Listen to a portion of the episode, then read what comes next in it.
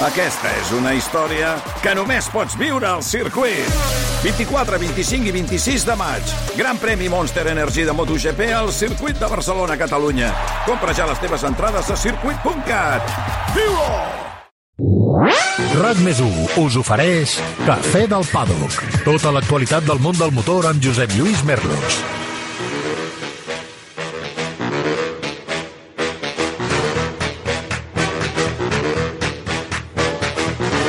Hola, hola, hola, què tal, què feu? Què?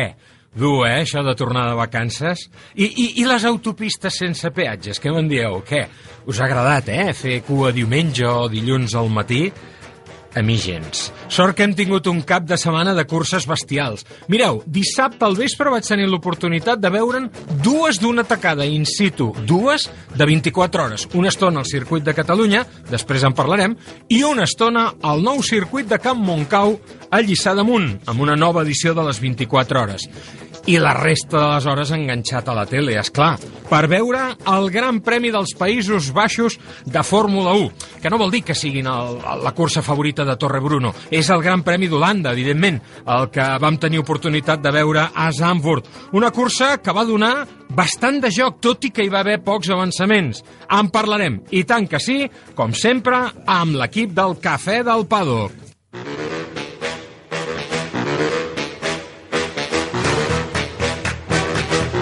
Maria Serrat, com estàs? Què tal? Molt bé, molt bé, amb moltes ganes d'encetar. D'encetar el Gran Premi d'Holanda, que tot i que la pista no ens va regalar masses No, emocions, no. a la grada hi eren totes. Joan Villa del Prat, vas passar alguna llagrimeta o què? Quan vas veure aquell revolt de Tarzan i, i aquell paddock, eh?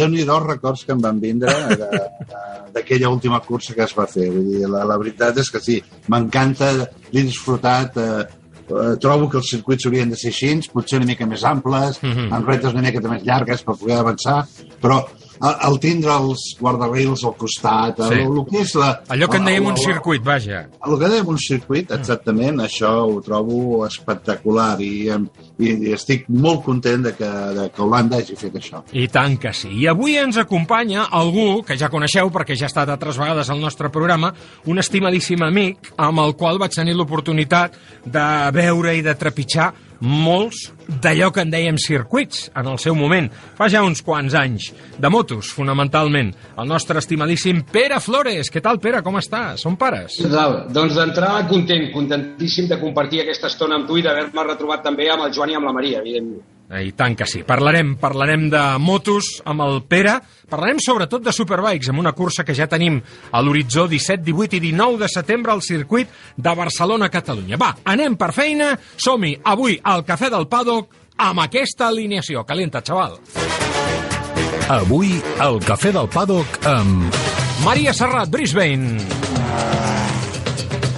Joan Villa del Prat, Sant Cugat. Pere Flores, Sant Fruitós del Bages. Denis Noyes, Borrego Springs, Califòrnia. I Carles Gil a la gestió tècnica. ¡Trata de arrancarlo! ¡Trata de arrancarlo, Carlos! ¡Trata de arrancarlo! ¡Trata de arrancarlo, por Dios! Va, Carlos, trata d'arrencar-lo, perquè avui anem carregats de propòsits informatius. Són aquests. Gran ambient en la tornada de la Fórmula 1 a Holanda, 36 anys després de l'última cursa disputada a Zandvoort. Max Verstappen mecanitza la taronja amb la setena victòria de la temporada, 17a de la seva trajectòria esportiva. Hamilton reconeix la superioritat de Verstappen a casa i ha de cedir el lideratge del campionat, tot i fer segon a Zandvoort. Bottas completa el podi amb una actuació condicionada per l'estratègia equivocada del seu equip i se'n va a Alfa Romeo. Brillant cap de setmana de Gasly, que fa la quarta posició de la cursa amb un modest Alfa Tauri. L'any vinent el continuarà portant al costat del japonès Sonoda. Fernando Alonso ens fa vibrar i acaba sisè gràcies a una gestió impecable dels pneumàtics, molta agressivitat al començament de la cursa i un control del Gran Premi absolut. Carlos Sainz, de menys a més en un cap de setmana complicat amb un cotxe que podria estar tocat de l'accident de dissabte al matí. La festa de Red Bull es completa amb una brillant actuació de Checo Pérez, proclamat pilot del dia. El Campionat Mundial de Superbikes es prepara per arribar al circuit de Catalunya d'aquí a menys de dues setmanes, amb tensió entre els equips de Yamaha i Kawasaki. Parlarem de Superbikes amb Pere Flores i Denis Noyes, que també ens aportarà el seu punt de vista sobre la cursa de MotoGP que ens espera aquest cap de setmana al Motorland, on veurem l'estrena de Vinyales amb Aprilia. Desafíos de Superbikes, Moto2 i Glasgow 3. Més que un llibre, l'apassionant història vital de Kenny Noyes després de sobreviure a l'accident que va tenir fa sis anys al Canyís.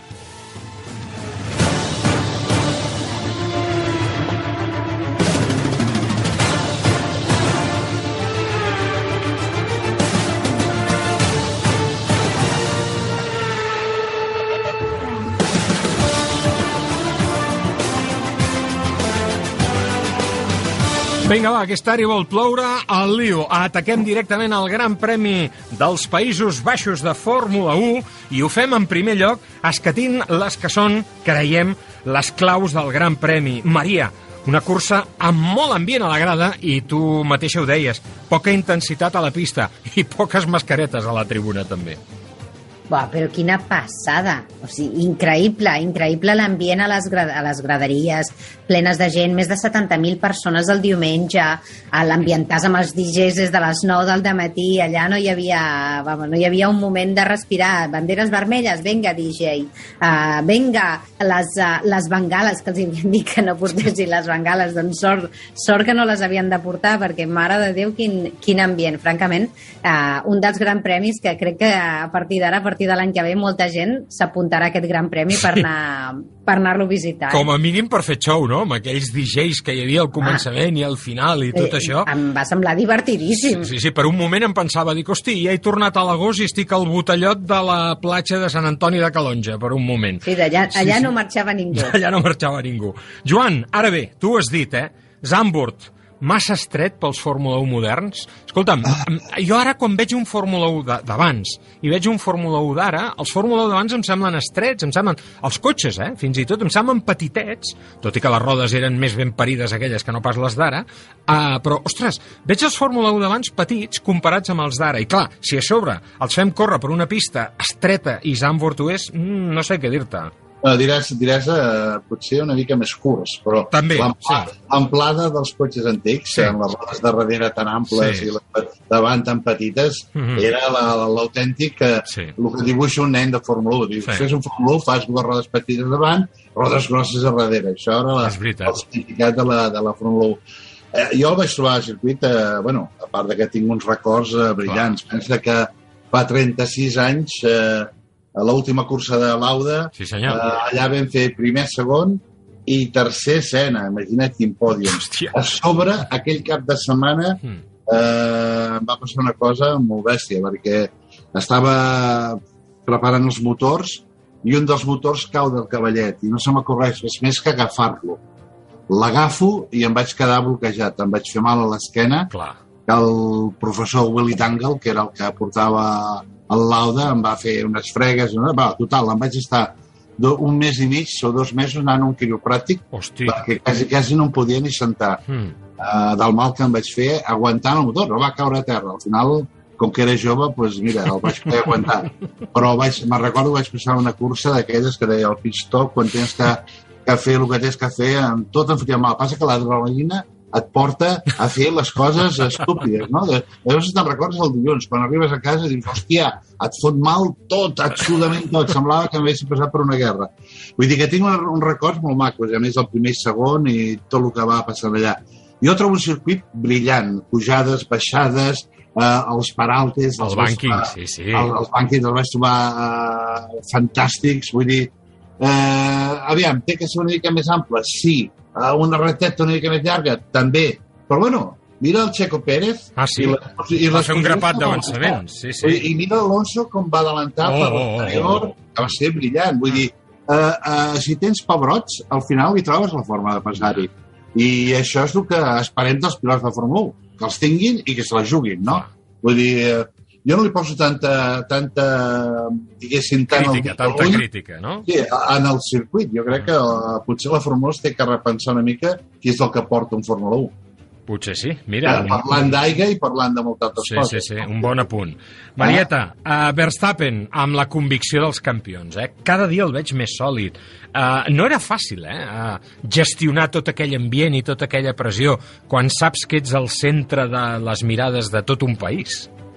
A mi em va semblar que va fer una cursa, eh, una cursa i un cap de setmana mm, molt més complet fins i tot que el d'Àustria. I mira que el d'Àustria, pole, volta ràpida, o sigui, va ser eh, com la millor cursa de Max Verstappen. Doncs jo crec que aquesta ha sigut fins i tot millor, precisament pel que dius, com ha gestionat la pressió, com ha gestionat el públic, com ha gestionat, doncs imaginem tots els dies eh, previs al Gran Premi amb tota la tensió, totes les entrevistes, tot el que hauria haver de passar, la família, vull dir, eh, eh, i, i la pressió de primer Gran Premi d'Holanda i que hi hagi un pilot holandès per guanyar aquell Gran Premi, vaja, eh, hauria ser, hauria ser important la pressió que va fer que tenia Max Verstappen i la manera de com es va comportar, com s'expressava, com Sí, es eh? movia. El veies que estava Madur, relaxat. Madur, estava a casa. El veies que estava... En plan sí, sí, amo, es en trobava plan bé. amo. Sí, sí. I la, cursa, I la cursa va ser per treure's el barret, perquè sí que és veritat que el Red Bull era el cotxe més ràpid en pista aquell cap de, aquest cap de setmana, però vaja,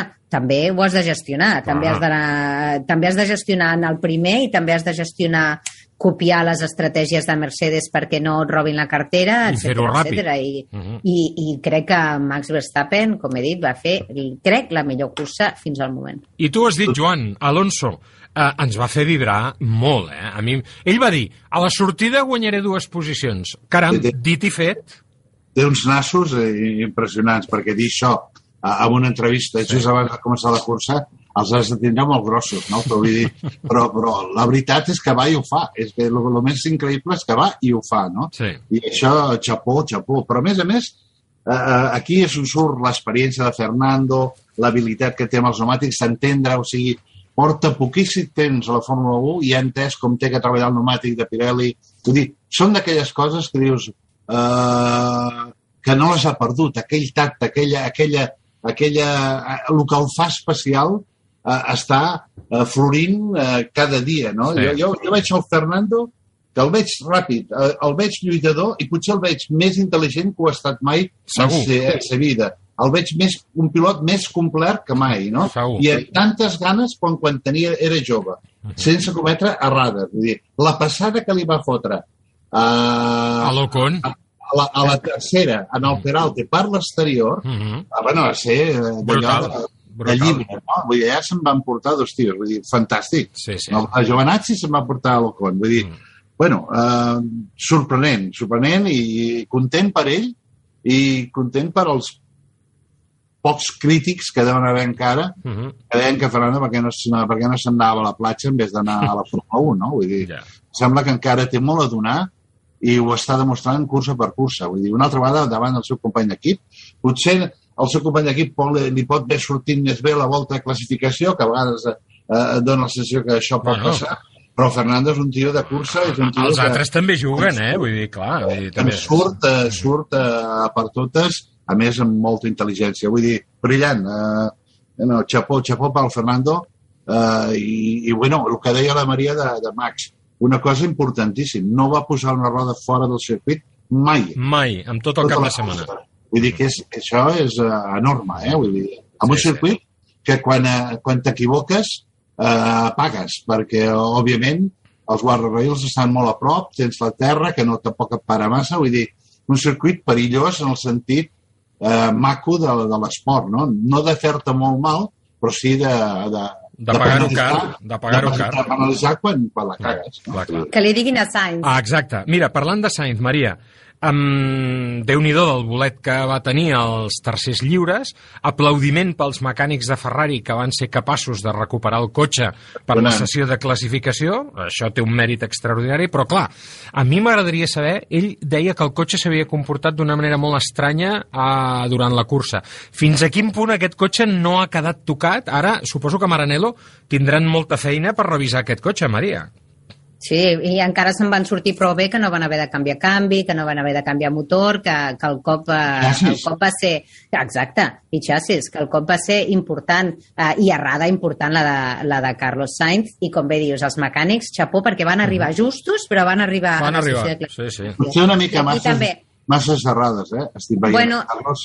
Sobretot eh, eh, es veu que ell va jugant al límit i buscant el límit i aquests Bueno. límits a vegades no li permeten... Bueno, acaba Clar. fent això, fent treballar tothom més de lo, de lo que és necessari, fins i tot per ell mateix, no? Vull dir, eh, Mhm. picar de la... que portem diverses curses ja eh, canviant xap i pintura, eh? Sí, bueno, però escolta, mira, tu parlaves d'Alonso i la seva experiència, i jo me'n recordo perfectament, i tu, i tu te'n recordes, perquè estàvem junts, aquell accident de Fernando Alonso a Mónaco, al lliure 3, te'n recordes? Sí, home, i tant. Amb Ferrari també, que va trinxar el cotxe i mira, després també va ser aquella cursa que va fer aquella estratègia de parar la primera volta, en fi, va ser, va ser molt interessant. Va, repassem la classificació del Mundial, com queda després d'aquesta cursa del Gran Premi dels Països Baixos.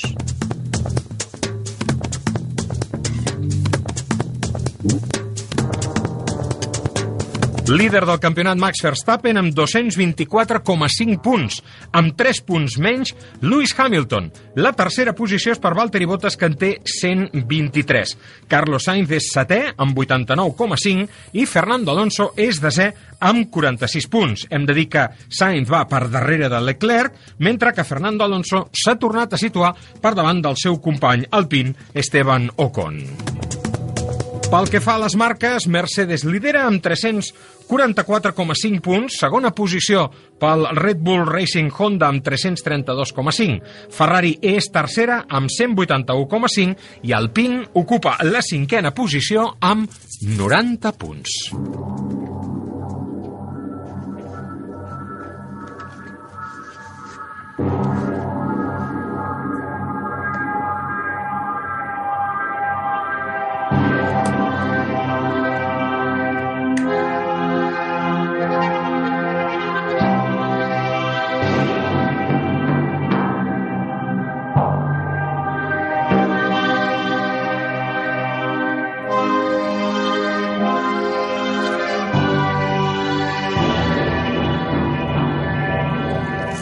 Segur que us en recordeu d'aquesta música. Joan, quina gran pel·lícula. I tant, i tant que sí, i tant que sí. Vull dir, eh, bueno, tot el que sigui, ja saps que jo tot el que sigui dels cotxes, fins i tot la música m'encanta. Maria, La naranja mecànica, Stanley Kubrick, eh, una pel·li dura, dura, dura, eh, una pel·li que després aquest concepte de la taronja mecànica el vam utilitzar per la selecció holandesa de futbol i pràcticament per qualsevol cosa que passa a Holanda li diem la taronja mecànica, també aquest cap de setmana en aquest gran premi.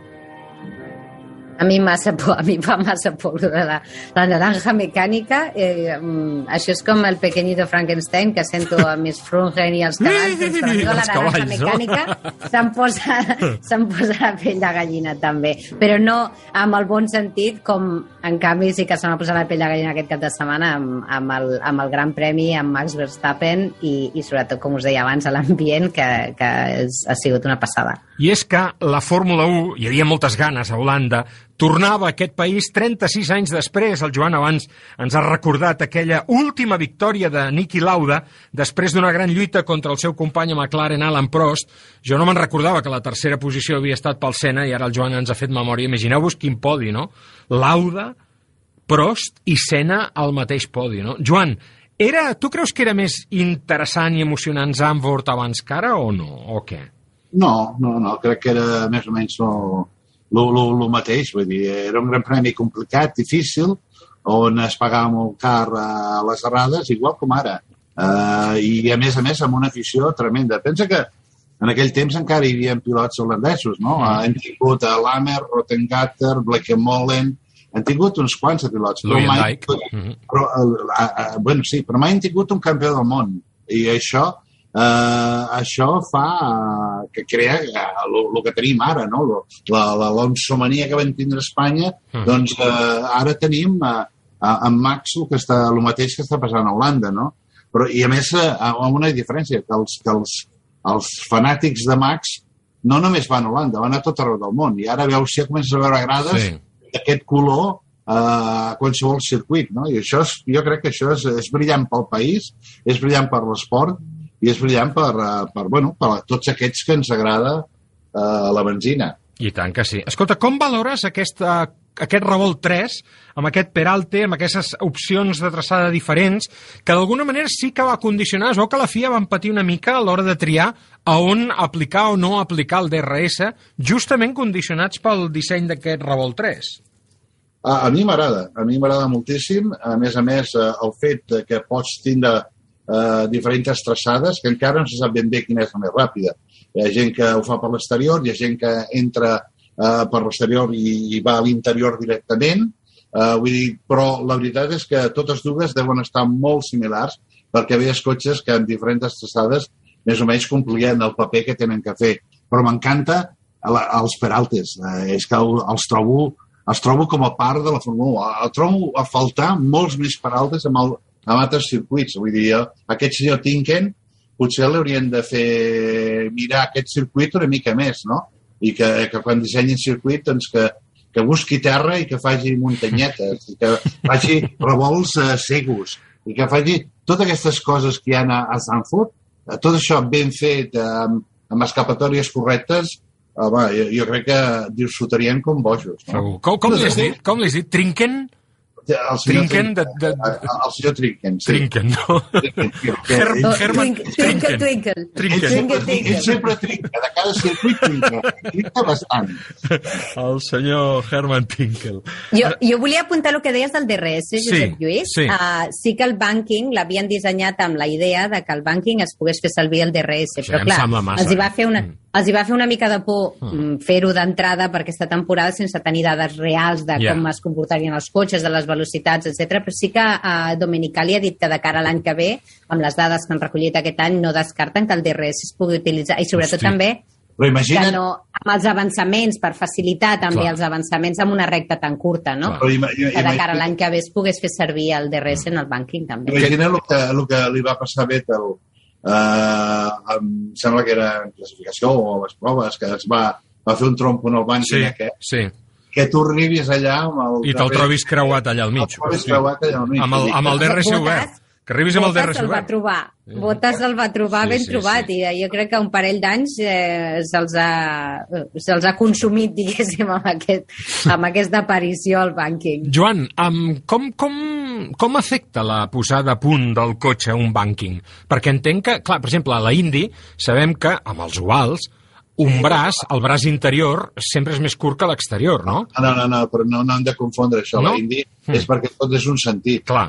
Uh, I llavors es pot jugar a la meitat d'un cotxe i la meitat de l'altre cotxe. Mm. Però en aquí no. Aquí tens eh, un bànquing d'esquerres, doncs, doncs pots tenir un Clar, bànquing de dretes o pots tindre revolts uh, itxicants i, Sí, sí. i superràpids. Vull dir que en aquí no pots jugar amb, amb, amb suspensions uh, diferents. Mm. Uh, aviam, no, no, el banqui no fa res més que donar-te més càrrega aeronòmica. Eh, Hi ha, hi ha més pressió d'aire, hi ha, eh, tens, tens eh, menys deceleració lateral, vull dir, tens... Eh, bueno, no t'ha fet tant, tant els vents, i tens moltes. A, a, aquí, en aquest circuit, un altre dels problemes, a part del, de la sorra que pot vindre de la platja, és els vents que hi han. I, de fet, en classificació van tindre, algú va tindre més d'un problema Sí, en la part de darrere perquè de cop venia una, una ràfaga de sí, vent sí, sí. i, i, i, i, i, i girava el cotxe. Vull dir que... Uh, jo, el trobo, jo el trobo un circuit, ja et dic. Sí, sí, que ja ho veig, que t'ha entusiasmat, ja ho veig. Sí, sí. Sí, perquè jo crec que els circuits haurien de ser així. A mi m'agrada Suzuka, m'agrada uh, Estambul, m'agrada uh, Spa, m'agraden els circuits. Ens agrada el Jarama, Ens... Sí, els circuits... ens agrada eh, Suzuka, clar, clar, clar. circuits que tenies que tenir Old pèl, school, no? old school. Ah, old que tenies que tenir pèl per fer les potes, no? Pèl al pit. Maria, el Joan ha parlat de coses que van passar als entrenaments. És que realment van passar moltes coses. Per exemple, la maniobra d'Ocon i Norris del divendres, que déu nhi també el marro que va haver-hi. A veure Ferrari P1 i P2 el divendres i després com anaven enrere. L'accident que hem dit de, de Sainz a, al, al lliure 3 i el bon treball dels mecànics per tenir el cotxe a punt per la quali. I, evidentment, la pole de Verstappen, de la que jo crec que se n'ha parlat poc, perquè la, la volta que va fer de qualificació per mi és de, és de llibre. Va fer una volta I amb que- I amb, amb l'últim i amb una sí. errada Sí, amb una errada de que va fer el- el- el- l'upshift doble, diguéssim, i amb el DRS que no se li va obrir del tot. Diu que en total eh, tres dècimes fàcil, fàcil, les Imagina't. hagués pogut millorar. Déu-n'hi-do, Déu-n'hi-do. imagina't. Però sí, com bé dius, els entrenaments... Eh, Van donar joc. Amb un circuit nou, amb Mm. un circuit nou, eh, amb, amb alguns pilots havien corregut amb categories anteriors, però deixa'm apuntar, Fernando Alonso no era un d'ells, No, eh? no havia corregut Fernando mai a Alonso era la Zandvoort. primera vegada, Alonso i Gasly, eh, que no havien corregut mai a Zandvoort amb categories anteriors. Bueno, Raikkonen i Tsunoda també, però ells no van disputar Ja. la cursa. I amb moltes Però Gasly banderes vermelles. I Alonso, Sí. eh?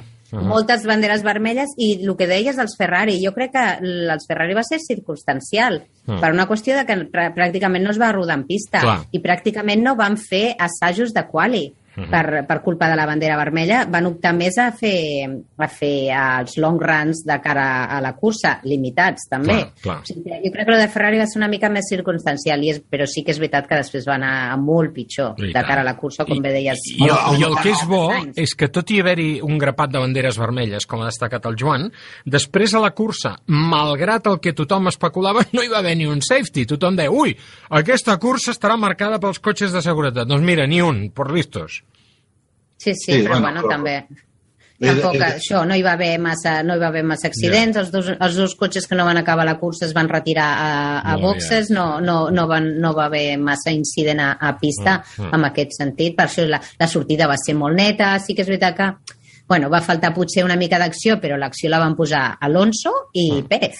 Alonso i Pérez, estic d'acord. Tret d'això, poc, poc Però en més. canvi hi ha hagut moltes notícies, aquest Gran Premi, abans, durant i després. Per exemple, la notícia del comiat de Kimi Raikkonen, que penja el casc al final del 2021, que per cert ha estat absent d'aquest Gran Premi, com sabeu, per donar positiu de Covid, el futur ja confirmat de Valtteri Bottas a Alfa Romeo, volia un contracte a llarg termini, no només a un any, i ja li han, ja li han ofert.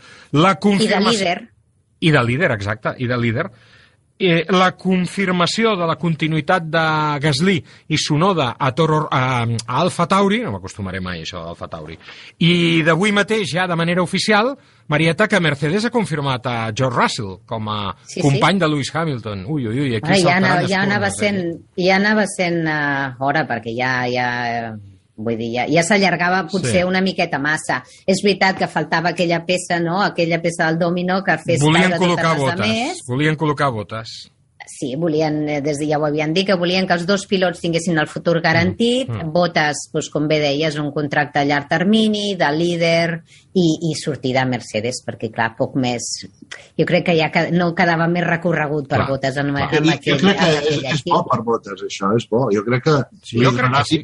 Mhm. Li donarà vida. Vull dir, no tindrà la pressió de tindre exacte. Hamilton. Eh, serà el líder de l'equip. Botes no és un tio lent, encara que a vegades sembla un eh, comptable. No, Bueno, perquè té aquest posat així una mica de- d'estaquirot, no? Però... Sí, però, però, però és un tio ràpid, eh, i a més el coneixo de les World Series I i, de, i de tantes coses que, que hem fet. Eh, vull dir, és, jo trobo que és una bona opció. És més, es parlava ara que potser portava, portarien els motors Mercedes i tot en Alfa Romeo. Sí, es va dir això, es va dir això. Seria el colmo, Alfa Romeo. com No m'estranyaria gens. Amb motors Mercedes. Coneixent a Toto Wolf, coneixent a Toto Wolf, és que estic segur que ho té tot lligat. O sigui, no ha anunciat Russell fins que no ha col·locat a botes amb un contracte a llarg termini a Alfa Romeo, però és que ja la quadratura del cercle seria això. Mm, Col·locar-los els motors Mercedes a Alfa Romeo, la qual cosa, clar, Alfa Romeo amb un motor Mercedes és una traïció a la història. No? Bueno, clar que és un Sauber, de fet, això, no? Vull dir, però, però vaja. Però és que seria un, un, una jugada mestra de treure's el barret, eh? Vull dir, jo crec que després d'Eccleston és probablement el personatge més intel·ligent que ha passat per la Fórmula 1, amb Sí, diferència. sí, i dona-li temps, dona-li exacte, temps. exacte. I, i, i quasi, quasi més ric, eh? Perquè té accions... Exacte. Té, té ditets a tot arreu, eh? Sí, té sí. Williams, a, Aston Sí, sí, Martin, sí. a tot arreu té... Pilla de tot arreu, aquest. Te, te parlàvem del Trinken, del Herman Trinken, però què? No, és, però, però xapó, xapó... Ah, sí, sí, sí, sí. No, no, jo, jo de gran vull ser com ell, eh? O la meitat de burro, amb la meitat ja em conformo jo. A més, a la Maria, que l'ha tractat moltes vegades, que l'ha entrevistat i que hem fet conya en els nostres temps, és un tio elegantíssim. Elegantíssim, tio educat, sí, sí, sí. Molt, eh, molt, i sí, sí. sempre té... a- I, i superintel·ligent, com dieu, és que no, no, no té un pèl de tonto. No, no, no, és, no li han donat res. Posa-li en aquesta Està clar, està Això ho clar. ha guanyat tot, que això està. Escolta, que per cert, parlant, ja que estem parlant de Toto Wolff i de Mercedes, Joan, explica-m'ho. Um, Mercedes estan fallant eh, amb l'estratègia, com que fins ara no tenien necessitat de tirar d'estratègia. No sé si, si és que ara que estan patint, veient que el Red Bull doncs, està allà, o fins i tot ja els ha passat, jo crec que estan fallant molt, perquè clar, que vam veure amb l'estratègia amb els dos pilots, no? No van ser capaços de neutralitzar la inspiració de Red Bull ni a la pista, ni amb la tàctica, ni des del mur de senyalització, no? Com ho veus? Bueno, aviam, aviam, jo crec que van fer el que... Jo hauria fet el mateix que van fer ells, eh? Aviam, primer... però massa, però van, es van precipitar.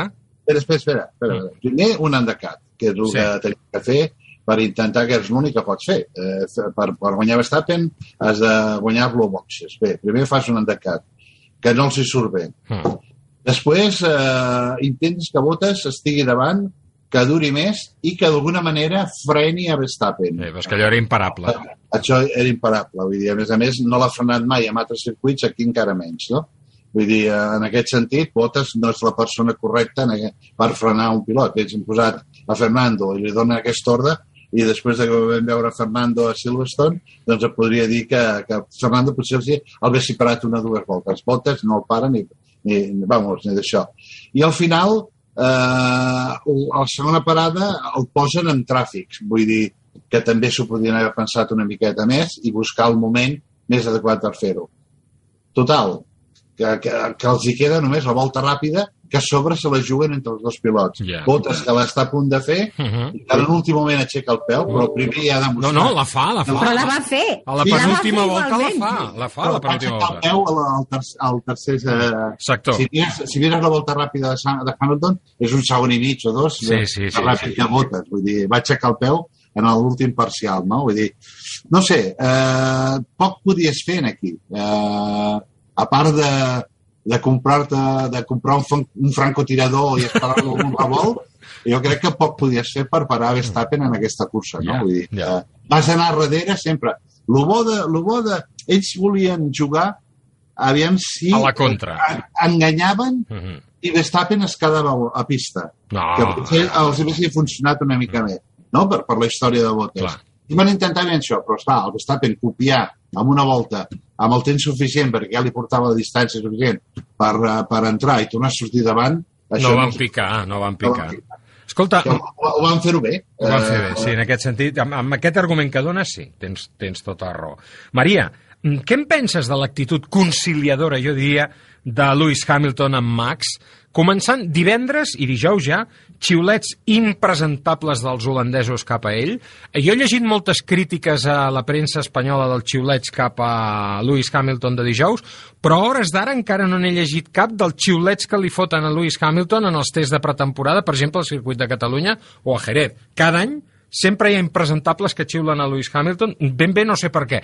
M'ho puc imaginar, no?, influenciats per algun descerebrat. Però, uh, hòstia, uh, tot i això, Hamilton va estar tan elegant, ponderant el paper de, de Verstappen, ponderant la seva superioritat, agraint l'ambient, content perquè la Fórmula 1 tornés a Holanda. I a sobre van i el xiulen, va, va, va.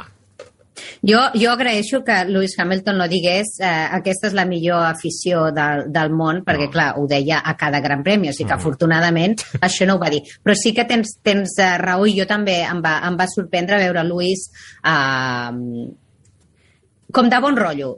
Tot, Mm. tot i, com bé dius, tots els, els xiulets que se sentien de fons que, que ja venien des de Bèlgica, perquè Bèlgica Sí, també li també van, fer, li van donar una bona, una bona repassada. Mhm. Uh, jo crec que potser una mica sí, com tu bé dius, una mica massa fora de lloc.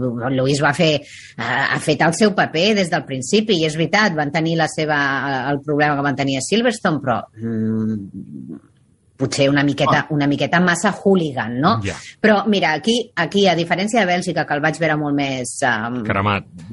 Sí, sí, molt més... mm, No sé, mm, menys agraït. Aquí sí que el vaig veure que, que dient, sobretot com bé dius, destacant el paper de Verstappen, dient, ostres, Max ho ha fet superbé, em trec el És que barret, era no inqüestionable, podia fer una era. altra cosa, està clar. Però, però jo, el, en aquesta ocasió, me'l vaig creure, a Lewis, Ja. que moltes vegades no me'l no me crec. que En aquesta, aquesta vegada sí que me'l me vaig creure.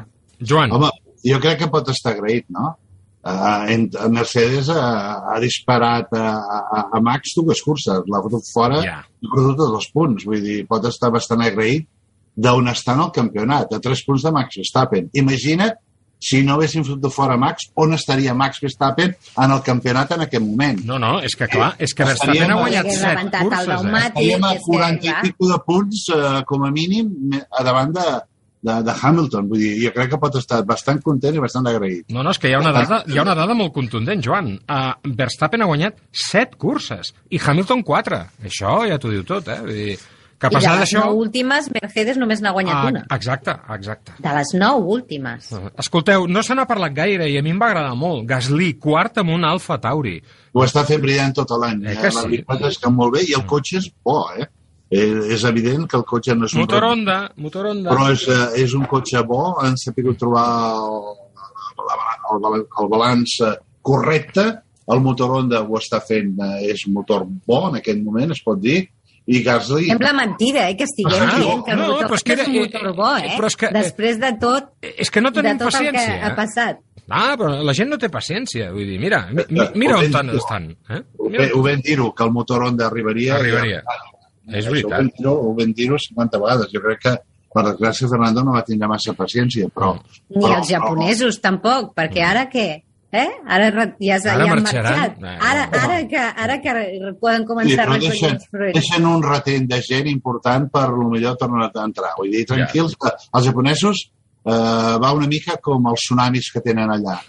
I de cop ve un tsunami i diu, bueno, bueno, bueno eh, parem, i ara que es veuen les orelles, potser s'ho repensen i en cap d'un any tornen. a entrar. I el que no volen fer és perdre el que tenen ara. Això, Mm. Per això aquesta, aquest acord que s'ha fet entre Honda i Red Bull de fer els motors eh, a Inglaterra, etc etc etc. Però hi haurà gent que seguirà treballant d'Honda dintre d'aquest projecte. Vull dir que mm, esperem a veure què és el que passa, perquè no m'estranyaria que Honda, després de l'èxit d'aquest any, que serà un èxit, guanyi o no guanyi, però serà un èxit. Ho és, ho és, és que ja ho és a hores d'ara, això, ja ho és a hores d'ara. Escolta, ja- per cert, ja que estàs parlant de motors, l'actualització del motor de Ferrari arribarà aquest cap de setmana per Monza, arribarà a temps, Leclerc va fer cinquè, però es veia clar que aquest motor, eh, ho dic per Leclerc, però també per Sainz, que li falta xitxa. Li falta xitxa al motor Ferrari. Bueno, el més important i es veu també amb els equips eh, privats, no? Eh, en teoria tenen que tenir el mateix motor i, i cap dels equips privats ho està fent massa bé, no? Uh -huh. I això, això et demostra que, que, que, bueno, que el motor no està a l'alçada. Uh, que arribarà, jo convençut, perquè coneixent Sí, Ferrari... potser arribarà tard, Joan. Bueno, arribarà a Monza. Eh, Estic, estic convençut que arriba a Monza perquè, perquè, perquè a Monza és on es tira tot, tota la carn a la, a la grella. Vull dir, Això està claríssim, no? Uh, però el problema no és només del, del, del motor, eh? Cuidado. No, no, no saben gestionar bé els pneumàtics d'usos. Uh, ho vam veure. Eh, Ells van posar... a la- Sobretot els de davant, eh? És on pateix Oh. més. a la, a la última, a la última tanda que van fer amb el canvi de pneumàtics van posar els duros. I el gran problema que van tindre és que bàsicament no, no funcionaven. Ja. I en canvi veus Verstappen, el pneumàtic dur, que òbviament la finestra de treball és molt més estreta i si no estàs dins d'aquesta temperatura el pneumàtic no va, No va. és el gran problema dels pneumàtics. No? Els pneumàtics s'autoalimenten. Si tu els portes a la temperatura correcta, el pneumàtic va creant calor al mateix temps que va tindre, que va tindre adherència. Si tu no entres en aquesta, en aquesta finestra de temperatura... O si et passes, problema- no? O si et No, passes. si, bueno, però si et passes eh, sempre pots baixar una mica Oh. i aixecar una mica el peu. Però si no arribes en aquest punt, són, eh, són de ciment. Ja. I ells es van trobar en pneumàtics de ciment eh, en aquesta última part de, de, de la cursa, no? Mhm. Maria, eh, parlàvem de l'astúcia d'Alonso, no? de la seva sagacitat, experiència, control de la situació, domini, com li vulguem dir. Va fer unes declaracions que a mi em van encantar. Diu, eh, hi va haver-hi algú que li va dir ah, has hecho un trenecito, com, com a crítica, no? I ell diu, sí, hubo trenecito. Diu, podia haver ido más rápido, però no quise. I, de fet, aquesta és la clau de l'èxit del seu resultat. És perquè la clau ell... del, del, sí, de la cursa. Ah, exacte. Ell marca el ritme que creu que ha de marcar per aguantar aquells pneumàtics i això el porten a una extraordinària sisena posició amb un alpin. Fantàstic, i la passada que li fa també a Sainz al final Ah, sí, és, senyor. -huh. és, eh, és fantàstic i com bé dius, el que, quina és la clau? La gestió dels pneumàtics. Clar. La sortida, guanyar les posicions a la sortida, Mm. aguantar Ocon quan Ocon li intenta passar per l'interior al paral i ell va per sobre Mm. i li diu, eh, aquí no passes, i Ocon, ah, és que vaig més ràpid. Home, vas més ràpid perquè estàs fulminant els pneumàtics. Clar. Alonso va al ritme, al ritme que havia d'anar, Mm. a poc a poc, gestionant i fer, i fer el canvi al, a la volta, no sé si va ser com a la volta 33, abans de mitja Mm. cursa, posar els pneumàtics mitjos i tirar cap al final. I el mateix, gestió dels pneumàtics, és la, la clau. I tant que sí. Uh, acabem ja el repàs del Gran Premi. Uh, jo voldria parlar del cap de setmana de Checo Pérez, que ha anat de menys a més, després de l'anunci de la seva renovació, per cert, cosa que celebrem extraordinàriament, però mm, l'acció estranya que va fer Lando Norris i els seus canvis de direcció no us va sorprendre una mica? Perquè jo crec que Norris és un pilot molt net, però mm, se li va anar una mica a la castanya, no?, amb, aquella, amb aquell Totalment bloqueig. d'acord. Eh? I em sorprèn, em sorprèn que no hi hagi hagut una, Cap una, sanció, no? una penalització o alguna cosa d'aquest tipus, perquè no li deixa lloc. I podrien haver tingut un accident brutal. Sí, exacte. No, no, es podria... Perquè s'enganxen dues vegades, eh? Sí, sí, dues sí. vegades amb els pneumàtics. Sí, jo no sé com... Va ser com estrany, això, amb acabar. Norris. Va ser estrany. Sí. Joan, sí, sí, sí, no li crec no que li és espai. frustració de no tindre el cotxe eh, que ha tingut a altres Gran Premis. no? També, Hem vist també. el Norris sempre molt competitiu. Sí, i aquí aquest estava impotent, aquí. Estava impotent. Jo crec que, més que res, va ser part, eh, de, bueno, primer de, de, de, la, de, de ser jove, d'un pilot eh, eh, jove, i la frustració d'un pilot jove. Vull dir, Uh -huh. Eh, estic d'acord que tenia que haver vingut eh, una penalitat i, i m'estranya aquesta inconsistència que hi ha sempre en la vida, perquè Ah. això ho fa un altre pilot eh, i, i El crucifiquen, el crucifiquen. el crucifiquen eh, Sí, sí. constantment. Vull dir, i, i, això eh, a vegades passa, a vegades passa. També va passar amb el, amb el, amb el rus i amb Espera, el... espera, espera, espera, espera, espera, que això... Això, no hem posat- no capítol aparte, sintonia. capítol aparte. Per acabar les coses sèries, a Monza tindrem el mateix ambient que a Zandvoort? Vols dir que els tifosi no s'hauran picat, Joan? Tu que has corregut allà tantes vegades i que saps Home. què vol dir estar dintre de, del Santa Sanctorum de Ferrari, tu què penses? Eh, jo, jo, jo crec que estarà, estarà ple, perquè, a més a més, Monza és un lloc molt agradable a anar-hi. És un parc que la gent va allà, la família, vull dir... És, jo crec que, que hi haurà molta gent. I la Ferrari no ho està fent tan malament. No. dir, en aquest sentit, ho podria fer molt millor, segur. Segur. Però està mantenint, eh, vull dir, està en, all, en allà. Eh, és, és un projecte jove que necessita temps per adaptar-se, eh, que necessita tot, bueno, i segur que tots els, tots els cèntims i tot l'esforç estaran per l'any 22, no? Vull dir que, en aquest sentit, jo crec que Monza tornarà a ser la Monza que coneixem amb el públic i amb els tifosi, que sí, també és veritat, que si Ferrari trenca o se'n va, la meitat de la gent se'n va. Com al camp del Barça, això jo ho hem viscut moltes vegades, això. Eh, Una mica I nova tribunero. cursa a l'esprint, eh? Sí, nova sí. cursa Ah, a sí? Important, important. A veure què fa Alonso allà. A veure què fa Alonso. Tinc ganes de veure Alonso amb aquesta cursa. A la Saben aquel que dice gran. Cosa extraña Rusia. Cosa curiosa Rusia. Mucho ruso en Rusia. Dice muy buena la ensaladilla rusa. Emocionante la montaña rusa. Dice muy bueno de mi ruso. Dice, ¿de qué parte de Rusia usted? Yo soy de la estepa. Dice, muy bueno los polvorones, muy bueno los polvorones. Joan, què em deies del, del Mazepin? Suposo que anaves a comentar aquells estranys moviments, els canvis de trajectòria constants. A, amb Checo Pérez va ser flagrant, li va amargar l'existència quan l'estava superant, eh? És per baixar del cotxe i... I fotre-li un calbot, no? I fotre un calbot, això està, està claríssim, eh? I, a fer, fer de pique. S'ha cobert de glòria aquest cap de setmana. Hosti, sí. O sigui, des de la sessió de classificació a la cursa topant-se amb el seu company d'equip. Bueno, hi ha un merder a l'equip de i por, haver eh? d'entrar. Bueno, de cuidado, tant que no, a mi no em sorprèn gens els rumors de, Michael, de Mick Schumacher Que vol marxar. a, a Alfa Romeo, eh? Uh -huh. O sigui que, perquè l'únic que té garantida la continuïtat en aquell equip és Mazepin. Però és que això no, però, però jo, jo no m'ho puc creure, això. O sigui, Um, Ah, no? No m'ho puc creure, que Mazepin Ah, no? i, i, i Mick Però Schumacher si el no li pare és el que, el que Ah, ja. posa la pasta per l'equip. Si, no hi ha, si no hi ha Mazepin, no Pues hi ha Haas. sé, que li compri un Furby, no ho sé, però, però ostres, o... Eh, però, però per què? Si, si el, el papà Stroll li ha comprat Aston Martin al nen, Ja. doncs eh, el pare Mazepin li pot comprar a l'equip Haas. Vull dir, eh, vull dir, per desgràcia, això és el que hi ha. Sí, sí. Eh, No, no. Eh, és, és, és per això que et deia que a vegades hem de pensar eh, en si, circumstàncies com en pluja, tots aquests eh, dubtes que hi ha, es fa la cursa, no es fa la cursa. Potser hem de replantejar-se com arribes a Fórmula 1 i per què arribes a Fórmula 1, Ja, no? Ja. Tota aquesta... A mi eh, hi ha coses que de la Fórmula 1 no m'acaben de convèncer. Ja, per això no hi vaig arribar mai, jo, perquè vaig néixer pobre, eh, suposo. En fi, tampoc en sabia. Marieta, Joan, eh, la setmana vinent més, eh? Ens en anem al Temple de la Velocitat, ens en anem a Monza i en parlarem la pròxima setmana aquí, al Cafè del Paddock. Gràcies per acompanyar-nos. Ara ens en anem amb els de les motos, vale? Moltes ganes. Vinga, Adéu. Una abraçada. Joan i Maria. fins la setmana que ve. Adéu, adéu. Cafè del Paddock, amb Josep Lluís Merlos. Ford Kuga híbrid endollable. Carrega quan frenes, mentre condueixes i quan l'endolles. Passa al següent nivell a la vida real. Aconsegueix l'híbrid endollable més venut d'Europa amb Ford Renting sense entrada i amb tot inclòs per 14 euros al dia. Amb assegurança, manteniment integral, vehicle de substitució, pla Moves 3 inclòs. Només fins a final de mes. Condicions a Ford.es. Ford Kuga. Apropant el demà. RAC més 1 us està oferint Cafè del Paddock. Tota l'actualitat del món del motor amb Josep Lluís Merlos.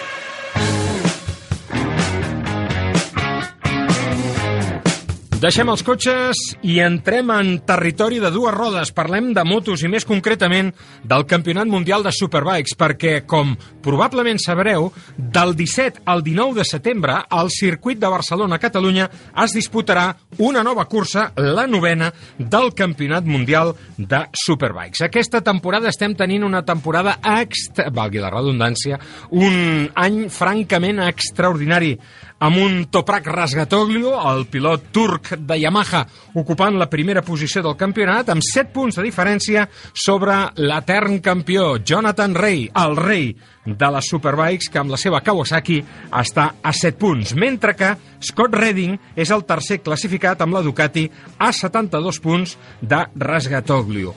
Aquest any tenim la sort, a més a més, que aquesta campanya ens està fent vibrar moltíssim gràcies a les transmissions que des de Dazón fa el nostre estimadíssim amic Pere Flores. Hola, Pere, gràcies per acompanyar-nos una altra vegada. Tu has passat bé escoltant la gent de la Fórmula 1? Segur que sí, eh?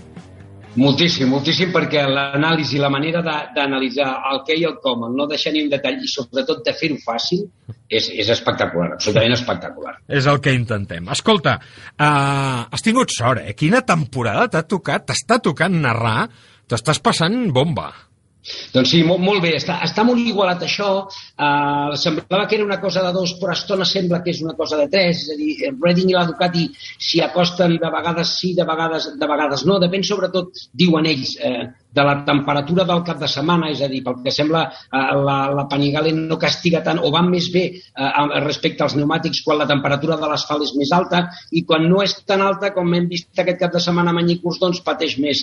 Arribava més a propet del Rasgatioglu i del, i del Rei i després les curses el van anar col·locant enrere, tot i que va fer el, el, el podi a la, a la cursa 2 un cap de setmana que déu nhi duret, eh? Van passar moltes coses. Repassem-les. Eh, La cursa va ser a Manyicourt, és un dels eh, escenaris històrics de Superbikes, que per cert ha renovat continuïtat per, pel, pel futur més immediat. A la primera cursa, la de dissabte, va guanyar Toprak per davant de Rei i de Locatelli.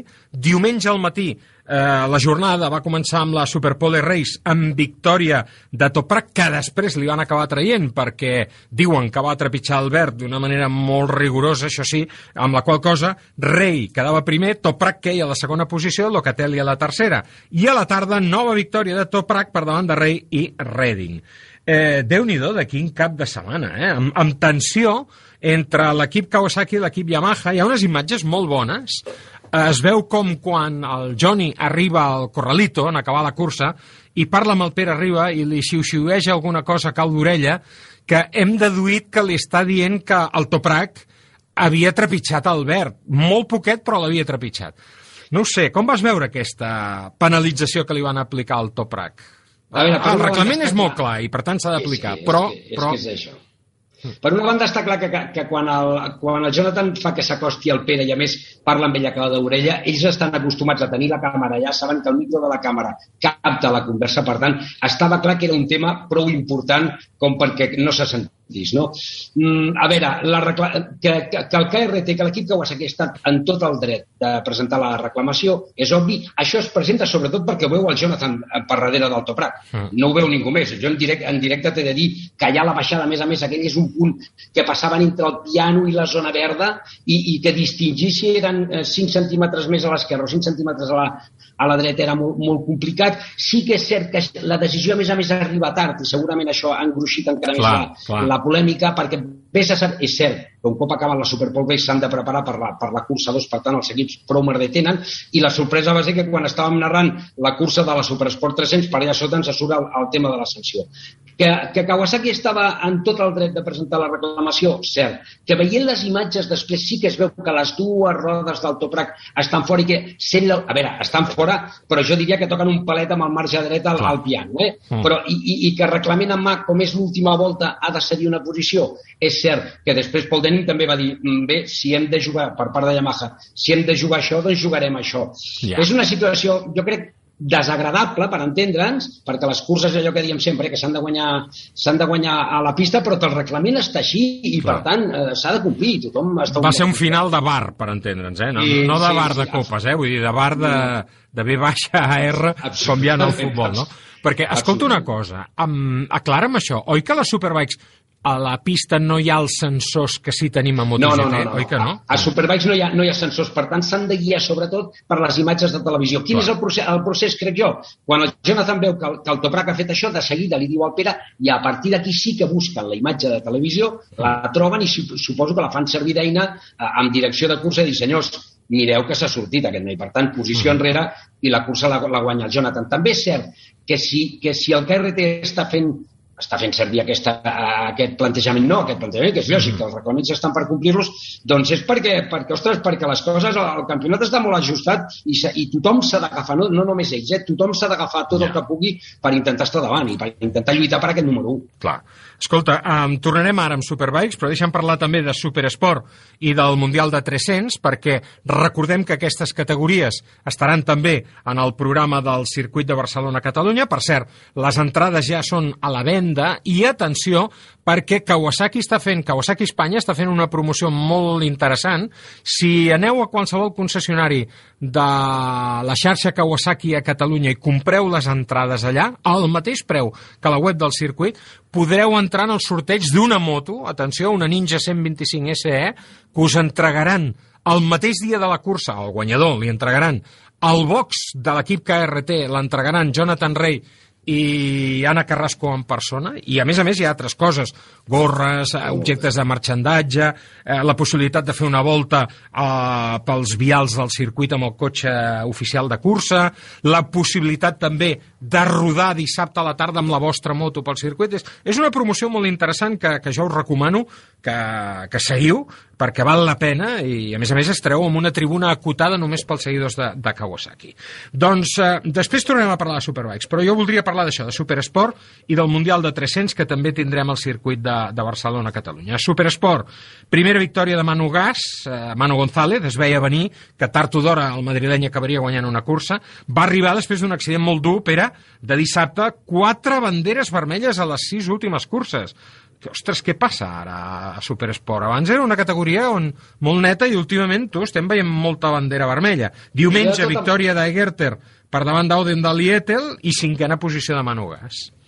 A veure, el tema de les banderes vermelles no deixa de ser casualitat i circumstàncies. Per exemple, la de Most, hem de considerar que a Most no hi ha vial, quan cau Marc Alcó es queda allà al mig i no poden treure la moto, no poden fer absolutament res, que per cert, algun dia haurem de parlar d'això que li han donat ara a Most la cursa de resistència en comptes de Suzuka, veurem la, una cursa de resistència en un circuit sense vial, serà complicat, però bueno, ara no toca. Ara no toca. Tema, super, tema superesport, l'accident va ser molt fort. Va ser a la, a la xicana, el Bernardi que anava primer perd la moto, la moto se li va darrere i Egerter i, i Cluzel, que venien just a darrere, doncs no, no, el, vam, no el van poder evitar. Uh, Bernardi no crec que corri a Catalunya, té una, té una vèrtebra trencada, Ui. Cluzel tenia un cop al cap, ja veurem. Eh? I a més a més, aquí hi haurà una cosa, a, a Montmeló veurem, al circuit de, de Barcelona-Catalunya veurem, veurem una cosa, i és que hi haurà un canvi important a la, a la classificació, o si més no es posarà més emocionant. És cert que al llarg de les últimes quatre curses Egerter ha dominat, que, que l'únic home que fins que Manugàs va guanyar la cursa 2 eh, que li podia donar rèplica era l'Odendal, però recordem, l'Egerter no, no correrà a Catalunya. L'Egerter el cap de setmana que ve, Clar. el cap de setmana del circuit, estarà corrent a Misano les dues últimes curses de la Copa del Món de Motoer, juntament Mhm. amb, el, amb el Gran Premi, i per tant els 60 i escaig punts que té sobre Odendal, que ara per ara sembla l'únic pilot disposat, disposat a, a plantar-li cara o que pot plantar-li cara en la lluita pel títol, es poden esvair en el cap de setmana, en, la, en, les dues curses. D'altra banda, eh, Manu Gas ho està fent molt bé. A mi aquest nano m'agrada moltíssim Molt, molt, i no sé molt. jo si no el pisparan i se l'enduran cap a Moto2 o cap a una altra categoria. Eh? Escolta, i a 300, eh, victòria d'Adrián Huertas, que ho està fent moltíssim. Adrián Huertas va quedar per davant de dos veterans de la categoria, com són Tom Bozeimos i Jeremy Buis.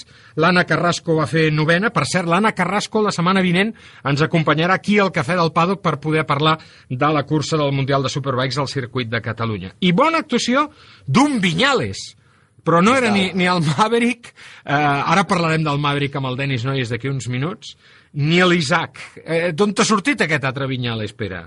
Era el Dean, que és cosí i que corre a l'equip del Vinyales i que, per cert, no deixa de ser curiós, segurament que la seva mare feia anys, o era el seu sant, perquè la grella va fer allò que fan alguns pilots, de posar un foli amb, amb, amb alguna cosa a la cúpula de la moto quan els ensenyen a la grella, eh, felicidades, mamá, te quiero mucho, i, ostres, va fer una cursa espectacular, però tan espectacular com que va estar a punt de pujar al podi, té 15 anys el Dean Berta Vinyales, eh, cuidado. I pinta circuit bé aquest, o què? Pinta sí, bé? Sí, sí, i sobretot perquè el circuit de Manyicurs no és un circuit fàcil. A més a més, la categoria de 300 és espectacular i estic segur que, que tots els espectadors que vagin al circuit de Barcelona-Catalunya s'ho passaran d'allò més bé, Segur. perquè hi ha 40 pallos i 20 o 25 dels quals eh, estan rodant en grup des del principi pràcticament fins l'última volta. Mm. Sí. Eh? És a dir, no hi ha grups de 5 o 6 pilots, hi ha grups de 15 i 20 pilots, entren 5 o 6 eh, emparellats, en paral·lel a, a totes les frenades, és bestial la lluita que hi ha.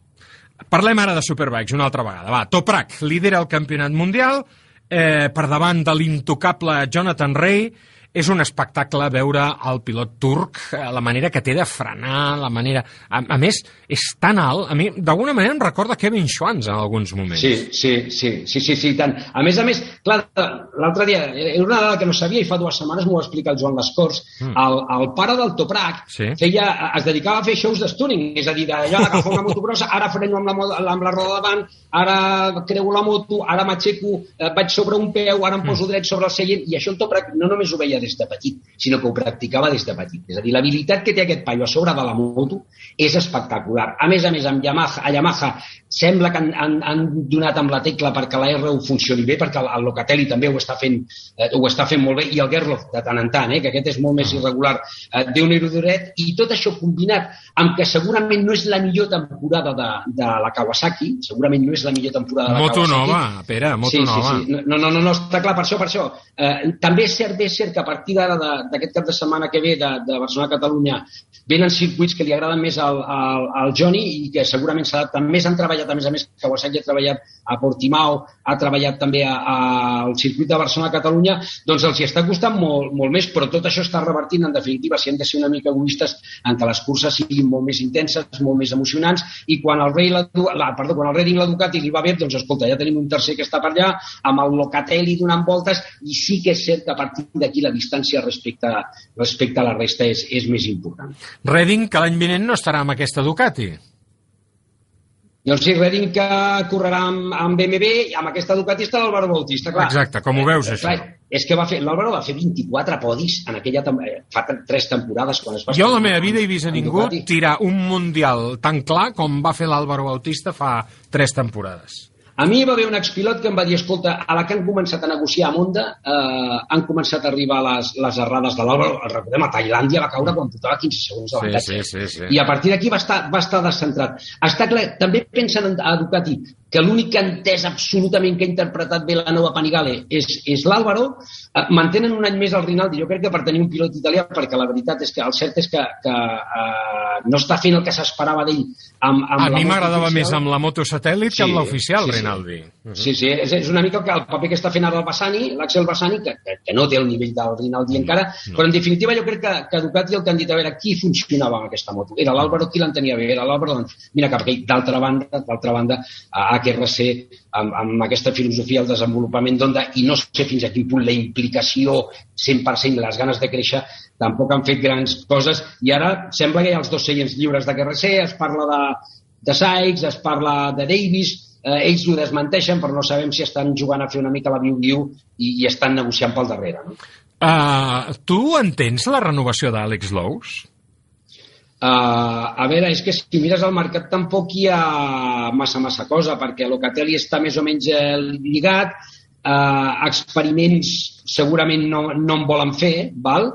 Hi ha poc moviment, hi ha, hi ha, hi ha pocs pilots eh, lliures, és a dir, evidentment no faràs tornar a un pilot més expert. He vist algunes travesses, he vist, per exemple, ja no, ja no parlant de la renovació de l'Ous, però sí per veure com està el moviment de mercat, he llegit coses de dir, no, és que eh, potser aquest RC ara es en el de Quona, no sé, clar, fer aquest tipus de, de travesses és molt senzill perquè dius quin pilot hi ha sense seient i quins seients queden lliures però, però jo crec que una mica a Àlex Lous el que aporta és treball i el que aporta és disciplina d'equip. Té molt Mhm. clar que ell Sí, està això allà és inqüestionable. Per, per, per, ajudar i, a veure, per ajudar quan no cau com aquest cap de setmana a la, a la, a la 1 i a la 2, eh? Mhm. Però, però, però què és això? Ell està a- allà per ajudar, per sumar i segurament hi ha equips que, i és, això és important, que volen un segon pilot doncs, eh, disciplinat, en definitiva. Què creus que farà Sykes l'any vinent? Em va agradar molt a Navarra, Sykes. Sí, el que passa que eh, Sykes, eh, eh, però ja no Sykes, la BMW, i ell ho ha dit al llarg de, de tota la temporada de les últimes curses, la moto amb gomes de qualificació a una o dues voltes es comporta de meravella i en cursa pateix molt més. Està clar que en cursa últimament Van der Mark està quedant per davant d'ell, el seu, el seu eh, company d'equip. Ja et dic, eh, el lliguen molt, el lliguen molt a, a HRC, ell tindria ganes, l'altre dia deia que no, escolta, que ell vol acabar de, de gaudir de, del que queda de campionat, però evidentment això s'està coent. Per altra banda, el Leon Camier, el, el team principal, el, el team manager d'HRC, es posa les mans al cap quan li parles de, de com tens això de, de fer l'equip, perquè diu que té molts condicionants i en definitiva que no, no acaba de tenir les mans prou lliures, prou lliures o prou marge de maniobra, si més no per fer l'equip. Eh, La premsa britànica veuria entusiasmada, evidentment, a Davis i a Sykes a, a, a l'equip HRC, però tot això ara per ara són elucubracions. Tot i que jo crec que pel cap de setmana de, de la setmana que ve, eh, poc abans o al llarg del, del cap de setmana de la cursa del circuit Barcelona-Catalunya, tot això s'ha de començar a, a obrir. eh? I tant, i tant, perquè el temps corre. Escolta, els dos catalans presents a la categoria, l'Isaac Vinyales, que ocupa la 17a posició, i el Tito Rabat, la 15a. Com estàs veient la seva temporada? A veure, jo crec que el, que el, el Tito eh, li està costant molt, molt l'adaptació. La, la prova és que, per exemple, aquí a Manyicurs, eh, a l'equip Barney li van fer un basculant eh, diferent, un basculant específic, perquè el Tito, sobretot, ha estat buscant d'entrada pressionant-se ell mateix per, per aconseguir molt bons resultats i per estar allà davant, que és això, eh? que, que, que Superbikes és més difícil del que sembla, que no s'arriba i amb una mà al darrere fa resultats, no? però sobretot perquè buscava la rigidesa de la, de la moto de MotoGP, una rigidesa que evidentment les Superbikes no, no les tenen i li està costant moltíssim. L'altre dia, per exemple, a, a Manyicurs, a la cursa 2, eh, s'havia havia avançat el, el Mayas i el, i el Ponson, els dos, els dos francesos, s'havia Mm. col·locat 12, que dius, més o menys, no és, no és on els hi agradaria estar, evidentment els hi agradaria estar al top 10 o al top 8, Uh -huh. però se'ls havia polit i a l'últi- a l'última curva, a l'última curva no, tres, tres revolts abans de l'arribada, crec recordar, va cometre una errada i sort que va acabar a 15è. Li, li està costant molt. I l'Isaac, l'Isaac està tenint una certa, una certa, a més a més, mala sort, sobretot les, les dues últimes curses. No va córrer a Navarra perquè havia donat positiu per Covid. Aquí a Manyicurs ja podia córrer, però quan va començar la, la Superpole Race va entrar de seguida al pit lane perquè tenia problemes respiratoris eh, producte d'haver sofert la, la Covid. Jo crec que són dos casos diferents. És a dir, que el Mhm. Tito segurament ell sap que podria estar fent-ho millor, però que és una adaptació més lenta, i que l'Isaac va fent i, i, i va creixent molt a poc a poc, molt al tram. Escolta, d'aquí una estona, dèiem, parlarem amb el Denis Noyes i li demanarem que ens digui per què la gent no es pot perdre el Mundial de Superbikes com a filosofia, com a definició de què és la Superbikes i què diferencia la Superbikes de MotoGP. Però aquest cap de setmana, insisteixo, el pròxim cap de setmana, eh, quan arribi eh, aquest campionat mundial per segona vegada, recordem que l'any passat ja va córrer a Montmeló, però a porta tancada perquè per les circumstàncies de la pandèmia no va ser possible que el públic hi accedís. Enguany sí, enguany sí, veurem d'aquí el moment de la cursa en quines condicions, el Procicat ha de dictar sentència, en definitiva, però mm, amb tot això que ens has explicat, i tenint en compte que hi ha pilots que es postulen per saltar a, a MotoGP, eh, de tota aquesta colla que, que hem parlat, tenint en compte com està d'interessant la temporada, aquesta tensió que hi ha entre Yamaha i Kawasaki ara mateix, que hi hagi tantes marques diferents implicades en el, en el campionat, explica'ns per què hem d'anar del 17 al 19 de setembre, no ens podem perdre de cap de les maneres eh, la presència al circuit de Barcelona-Catalunya per contemplar aquesta novena cursa del campionat.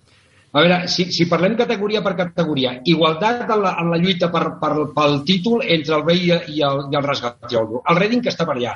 Tenim pilots locals. Hi ha pilots com Locatelli que poden estar per allà. En definitiva... Ho està fent bé, eh, Locatelli, primer any sí, sí, a Superbike. Ho està fent molt bé, que ve, que ve de Supersport. Exacte. A, a Supersport, molt igualat. A més a més, no estarà l'Egerter, que és el que domina. Ara Manugàs comença a pujar. Emocionantíssim. Superesport 300, al marge dels noms dels pilots, escolta, veure 20 pallos arribant junts a una frenada i no saber qui pot guanyar fins l'últim metre és importantíssim. Però és que tot això, a més a més, en el món de les superbikes, això ho saps tu perfectament i segur que ho saben els nostres amics, tot això està multiplicat, perquè clar, hi ha tres curses de superbike una dissabte i dues diumenge, la Superpole Race, uh -huh. que és ràpida, a les 11 del matí, i, i la 2 a les 2 del matí, de, del migdia, dues curses de Superesport, una dissabte i una diumenge, i dues curses de Superesport 300. És a dir, que no és allò d'anar-te esperant perquè tot l'interessant passa diumenge, sinó que els campionats arriben emocionants, interessants, campionat a campionat. I a més a més ho tens per partida doble tot, fins i tot partida triple pel que fa a la categoria de Superbike. Per tant, per menys de 50 euros al cap de setmana, aquest espectacle i l'oportunitat de veure els grans cracs del Campionat Mundial de Superbikes amb unes motos, espera que al circuit de Catalunya les seves prestacions no seran tan, tan, tan diferents de les MotoGP, no? No, no, i això ho hem pogut veure en, en els testos que, que hi ha hagut aquesta, aquesta pretemporada.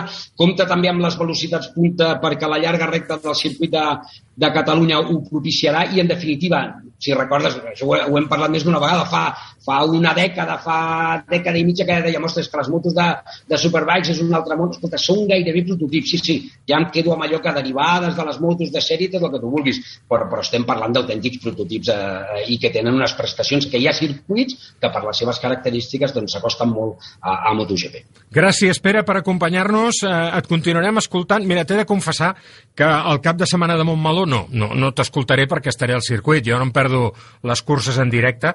T'escoltaré el divendres amb els entrenaments a Dazón, això sí, però dissabte i diumenge jo no m'ho perdo. Estaré al, al circuit. Mira, potser m'emporti l'aplicació de Dazón i t'escolti eh, amb el telèfon mentre estic a la tribuna, però jo no em perdré aquesta cursa segur que no. Com et recomano, Pere, que no et perdis ara l'entrevista que li hem fet a un bon amic, conegut de tots dos, el Denis Noyes, perquè ens parlarà de Superbikes i de moltes altres coses més. Pere, gràcies per acompanyar-nos. Enhorabona per les transmissions a Dazón, per tu i per tots els, les persones que t'acompanyen, que són diverses al llarg de, de les diferents curses del campionat. Ens veiem al circuit de Barcelona-Catalunya. Una forta abraçada.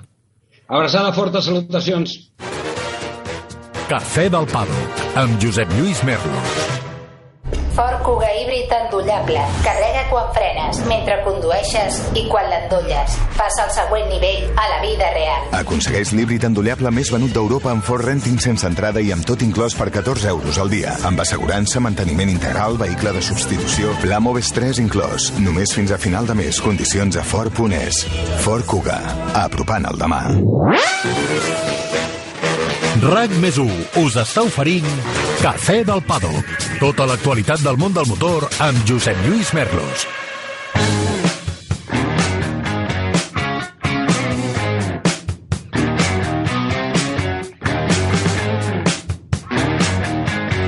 Acabem d'escoltar el nostre estimadíssim Pere Flores parlant-nos d'aquesta cursa del Campionat Mundial de Superbikes que hi ha hagut aquest cap de setmana a Manicur i sobretot parlant-nos del que ens espera d'aquí dues setmanes al circuit de Barcelona-Catalunya, de la prova de Superbikes que per segon any consecutiu passarà per la instal·lació de Montmeló.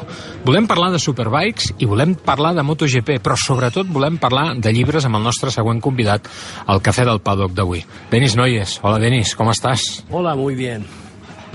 Bueno, eh, sé que esto es un atraco, porque eh, habíamos quedado para hablar de libros, y lo vamos a hacer, pero claro, mm, después de, escuchar a Pera, por cierto, qué buenas transmisiones está haciendo Pera del Mundial de Superbikes en Dazón, eh, yo sé que tú eres también un enamorado de este campeonato y que, que fuiste de los primeros en España en seguir el Mundial de Superbikes.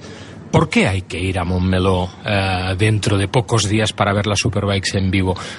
¿Qué le contarías a alguien que no sabe lo que es el Mundial de Superbikes para animarle para que se acerque al circuito? Bueno, en primer lugar, las motos de Superbikes, aunque el aspecto tienen es casi de MotoGP por el carenado, por la aerodinámica y todo eso, arrancan, son motos derivadas de la serie. Y como yo, como mucha gente en nuestra época, corríamos con motos de serie, en la motociclismo series, carreras de producción, y, y, y lo que tiene Superbikes es, es que son motos hombre, son muy especiales pero asequibles y con todos los problemas que tiene una moto de calle. Te damos el ejemplo de la Honda, por ejemplo. Uh -huh. Se han equivocado de chasis y están condenados ya a morir con este chasis hasta final de año. Uh, y la moto, a por sí, uh, tiene lo que es irónico es que es el campeonato con la tecnología de electrónica más avanzada del mundo. ¿Más que una MotoGP? Mucho más que una MotoGP, porque este fue, eh, digamos, el acuerdo con el diablo que tuvo que hacer Dornar negociando con los japoneses. Porque hubo una época, ¿te acuerdas?, cuando Carmelo Uh, estaba diciendo voy a poner un límite de RPM en MotoGP y límite de, de, electrónica. Y uh, Nakamoto, el hombre fuerte de Honda en aquella época, hablando en nombre de todos los japoneses. Esto es antes, cuando los japoneses mandaban todo uh, en la MSMA. Él dijo, como hagas esto, mmm, voy con mi música a otra parte. Honda dejaría un mundial si haces esto. Entonces Carmelo llegó a un compromiso con él yo tengo que hacer algo, lo que voy a hacer es, eh, no voy a poner un límite en RPM, puedes hacer todas las vueltas que queréis, pero sí que voy a poner un pistón, límite de pistón, que esto en parte controla las RPM, claro. y por otro lado, uh, y por otro lado, lo que, lo que voy a hacer es, es, es uh, limitar la electrónica. A, par a partir del año 15, limitar la electrónica. Y entonces, eh, los fabricantes japoneses han dicho, pero nosotros queremos trabajar libre con la electrónica. Eso lo puedes hacer en Superbikes y eso es lo que hacen. Cuando un piloto de, de Superbikes viene a MotoGP, está como Gerloff, acojonado por, por la rigidez de la moto, la estabilidad, las posibilidades de, de, la potencia, 300, 280 hasta 300, pero lo que no le impresiona en absoluto es, es la electrónica, claro. ¿sabes? ¿Qué haría Jonathan Rey con su moto en una parrilla de MotoGP? Con su moto. Con su moto. Con su moto quedaría el, el último, ¿Mm? ¿sabes? Uh, sí, uh, porque le faltaría 60 caballos. Lo que pasa es, por mucha electrónica que tienes, uh, la electrónica solo funciona en la salida de las curvas. Cuando llegas ya a cuarta, quinta, sexta marcha, puedes soltar toda la caballería. ¿eh? ¿Y con una MotoGP real? Con una MotoGP real, yo creo que lo que me dijo, lo que me dijo en una llamada telefónica que tuve con él hace poco es que ya ha zarpado el barco de MotoGP. Él ya ha perdido la oportunidad. Dice que cuando tú lees frases mías hablando de que yo quiero hacer MotoGP, son frases que no he dicho yo, entrevistas que no he hecho, uh, reuniones que no he asistido. Es decir, él no tiene ninguna ilusión sobre ir a MotoGP, salvo que le ofrecen lo que no le van a ofrecer, que es una moto de fábrica. Uh, una Yamaha de fábrica tal vez lo aceptaría, pero no una moto de segunda división. Además, él tiene otra guerra. La guerra que tiene es, es, es ganar ahora cuando tiene una desventaja importante. ¿Qué hace tan interesante el Mundial de Superbikes? Porque lo es. Para mí, yo dejé uh, MotoGP para ir a Superbikes uh, y no era una cosa, no, no, era un paso hacia adelante económicamente, pero yo quise volver a recuperar algo del ambiente que encontraba, que no encontraba en MotoGP. Es decir, estas conferencias de prensa que se hacen en el paddock abierto, ¿sabes? Uh, estos... Uh, yo me acuerdo del ambiente de Wayne Gardner hablando con Mick Doohan, los dos con una cerveza en la mano, ¿sabes? Una jarra de cerveza sentado eh, en el paddock después de un gran premio, o de Kevin Swans y Wayne Rainey, por mucho que se odiaban, uh, y se odiaban en el buen sentido, pero yo me acuerdo de ellos en una conferencia de prensa diciendo, la única duda en este gran premio, le dijo Wayne, es quién va a quedar tercero, porque este, este tejano y yo vamos a, a ser primero y segundo, y dice que hacemos apuestas sobre quién va a hacer tercero, ¿sabes?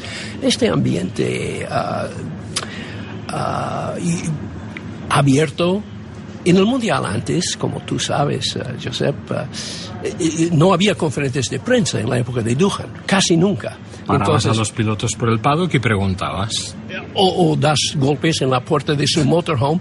Yo me acuerdo eh, tocando la puerta muchas veces del motorhome de Eddie Lawson. Mm. No es que no contestaba, abre la cortina mira afuera y hace un movimiento negativo con la cabeza de que no voy a perder tiempo hablando contigo porque está mal, de mal humor.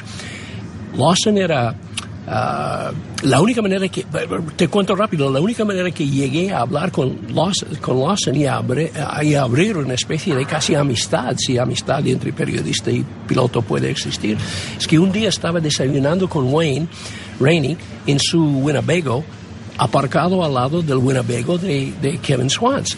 Y estábamos haciendo una entrevista, pero yo estaba ya en Dona, primer año de Dona, es el viejo oeste, mundo salvaje.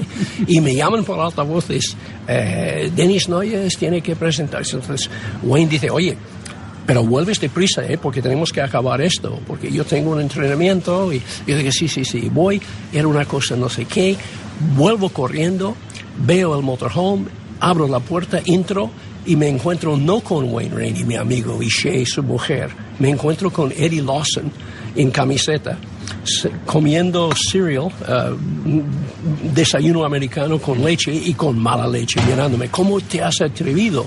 Estaba pensando entrar en mi, en mi casa sin tocar. Entonces hay dos cosas que se puede hacer. Uno es pedir disculpas y salir como una mierda, y, y el otro es decir lo que dice. Dice, Eddie, tú y yo tenemos que hablar. y, él quedó impresionado. Hicimos una entrevista a partir de esto. Pero este, este tipo de cosa hoy en día no pasa. Si tú... En MotoGP, pero en Superbikes sí. En Superbikes todavía. Tú hablas con un piloto en, en, en MotoGP el manager o el relaciones públicas de esta marca te ve hablando con el piloto y viene enseguida y el piloto levanta las manos y dice, no, no, no, estamos solamente hablando de una cena, no le, no le he contado nada. Es verdad, porque si no, además te pueden poner en una lista negra y nunca más vas a tener una, una entrevista con este piloto. No, es, es verdad, es verdad. Yo me acuerdo una vez, la última entrevista que hice con Valentino Rossi, Valentino tenía ganas de hablar Valentino tenía ganas de hablar, pero yo estaba limitado a nueve minutos. ¿Cómo le pueden limitar a nueve minutos en vez de diez o quince? El Relaciones Públicas de Yamaha dijo nueve minutos y yo estoy sentado delante de Valentino en un motorhome arriba hablando con Vale, que Vale no se calla. Vale está contándome cosas que eran interesantes y él quería contarlas. Y viene el tío de Relaciones Públicas y me coge por, la, por, por, por el pie por debajo de la mesa y sacuda mi pie, ¿sabes? Porque quiere que, que le deje. Bienvenido a la Fórmula 1. Esto, esto sucede cada día allí. Oye, Denis, entre la carrera de Manicur y la carrera que vamos a tener en Montmeló, va a haber este fin de semana el Gran Premio de Aragón en Motorland, donde vamos a ver finalmente a Maverick Viñales ya con la Aprilia. ¿Qué te parece? Bueno, yo sabía que tan pronto que pudiesen llegar a un acuerdo para, para, para dejarle libertad iba a salir lo más pronto posible, porque lo que no puede hacer es, es perder media temporada, porque la pretemporada son pocas oportunidades de probar. Ya sabremos, ya, ya veremos. Uh, yo creo que le va a costar, le va a costar llegar al nivel uh, de Aleix ahora mismo, que es lógico, porque Aleix uh, ha sido más rápido que todos sus compañeros de equipo, con la posible excepción de Iannone, pero iban por el estilo. Y, y, y, es una moto buena pero muy diferente de todo lo que ha llevado Maverick. Yo creo que le va a costar un rato encontrar ya el, el- el truco. La semana pasada, en este mismo programa, Aleix no se descartaba entre la lista de favoritos a la victoria en el Motorland. A él mismo, dices. Sí, Sí. Lo que pasa es que Aleix, lo que pasa- mucha gente ah, confunden el nivel de piloto con sus resultados. Las dos cosas no tienen mucho que ver. Es decir, uno de los mejores pilotos de toda la historia del mundial era Jack Findlay. Pero ¿cómo vas a, a- a decir que un tío que solo gana un par de grandes premios ah, es tan bueno como Agostini? La primera carrera que yo vi Agostini ah, arrancó mal y Findlay ahí en Montjuic mandó la carrera con una Manx Norton durante, no, no, ah, matchless, G50, ah, durante 17 vueltas. Es decir, Aleix no es que lleve una Manx Norton, ni mucho menos, pero lleva una moto que ha sido y sigue siendo ah, algo inferior. Volviendo a Maverick, mm, yo he visto muchas veces pilotos cambiar de marca de casco en plena temporada, cambiar incluso de proveedor de neumáticos cuando no era un suministrador único. Claro, cambiar de manager, cambiar de jefe de mecánicos. Eh, eh, he visto muchos cambios, pero cambiar de moto en plena temporada de un equipo oficial a otro que, bueno, este año aún no lo es, el año próximo sí que lo será. Ah, es un caso inédito, ¿no? Pasó algo bastante semejante en el 93, am, cuando, no, no, no, mentira, en el 90, 92, 92 cuando Jan Kucinski ah, fue más o menos echado del equipo Yamaha oficial porque él y Wayne Rainey no podrían ni verlos, ni verse. Es decir, este fue la primera vez que hubo un muro entre pilotos porque Rain, Rainey dijo yo no quiero ni verle allá, ni pintado. Entonces a final de temporada, Gary Howard, el manager de Jan Kucinski, eh, no le representó bien. Lo que hizo era, porque temían a Jan. Jan con una 500 competitiva sería un rival. Entonces lo que le hicieron era meterle en un equipo de dos y medio con Suzuki ah, y, y una moto que no evolucionaba nada, ¿sabes? Entonces Jan eh, en, el, en Assen ya estaba con problemas con Suzuki, ah, echando pestes porque la, la moto no cambiaba de una carrera a otra. Llega a Le Mans, queda tercero, ah, me parece que ganó, ah, no, no, quedó segundo a Harada. Le adelantó a, a Jan en la última, en, en meta, y lo había toda la carrera siguiéndole, esperando la oportunidad. Jan estaba tan enfadado que Suzu- según Suzuki reventó la, reventó la moto pasándola de vueltas eh, parada en- eh, al lado de la pista. Jan no pidió disculpas y nunca ha reconocido que ha sido así, pero todos los de Suzuki dicen no hay manera de que podría haber, y además le escuchaban. Entonces, ¿qué hizo? Eh, estaba dos semanas, dos grandes premios sin, sin moto y de pronto aparece llevando una Cajiva de serie y gana un gran premio.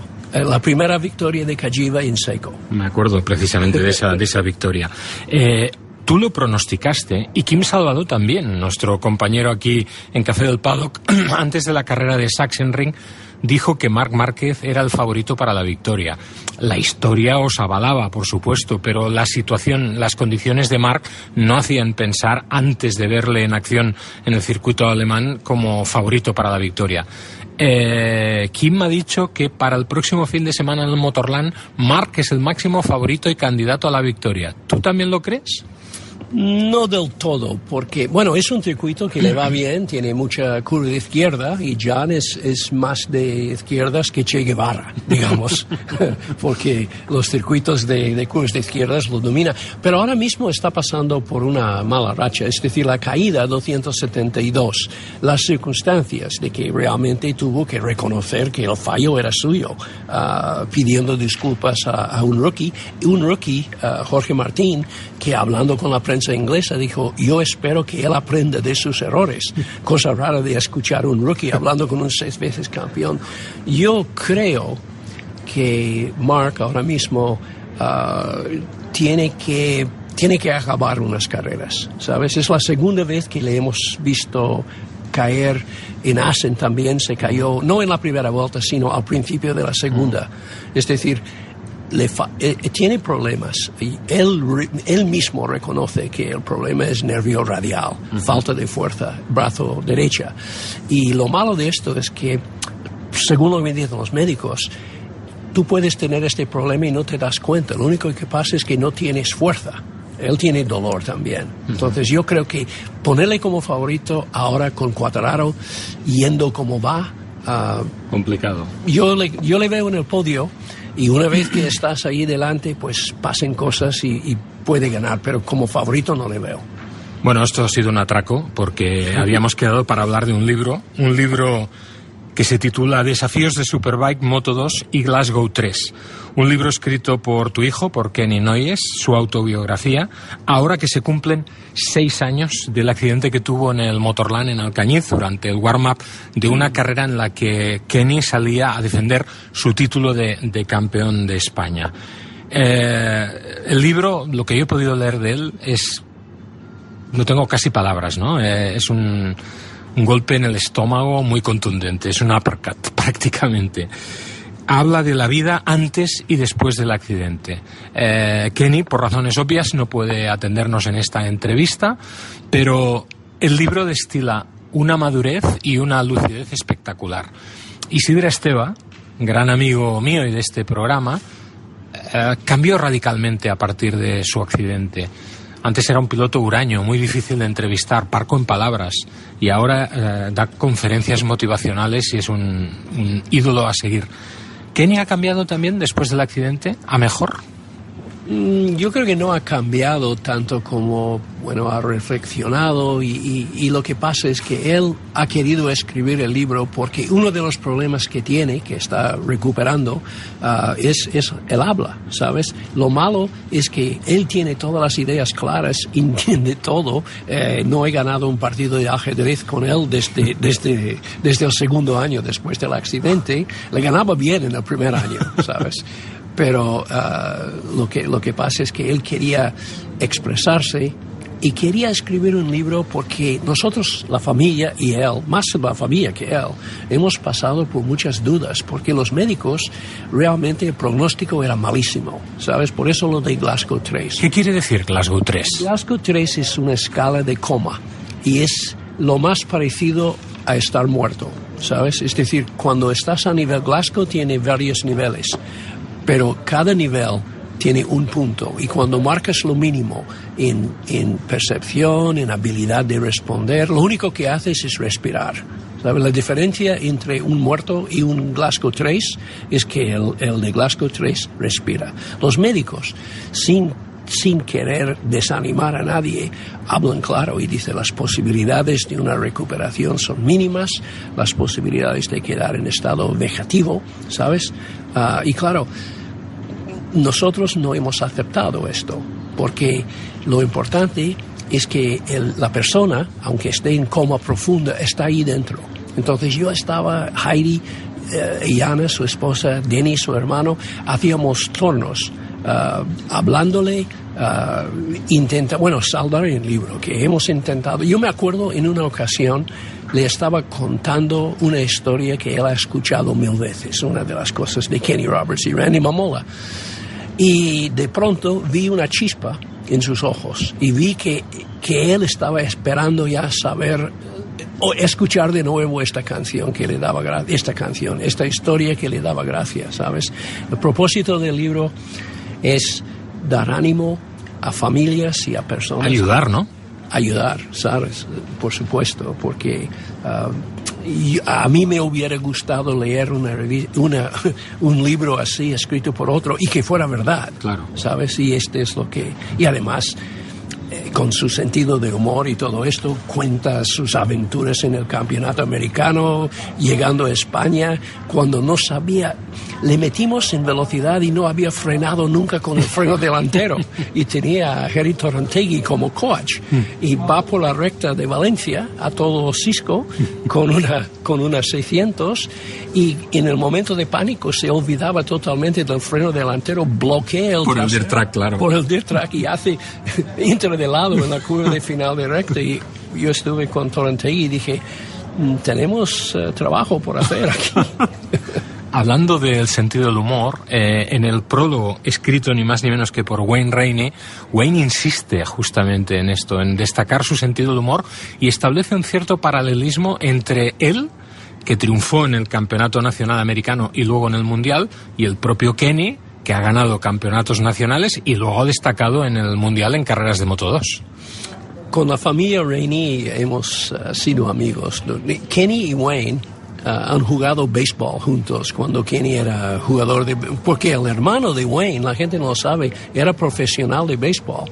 Entonces, eh, cuando Kenny tenía 10, 11 años, eh, admiraba a Wayne como piloto, pero también a su hermano como jugador de béisbol. Y no sé cuál era el más admirado de los dos. Pero pasamos muchas veces por su casa y, Wayne ha seguido sus pasos uh, porque él sabía lo duro que era uh, el, no tener experiencia sobre motos de asfalto y intentar met meterse en esto ya, uh, ya con más de 26 años. Eh, Kenny habla en el libro de momentos de oscuridad total y momentos de deslumbramiento por un exceso de luz.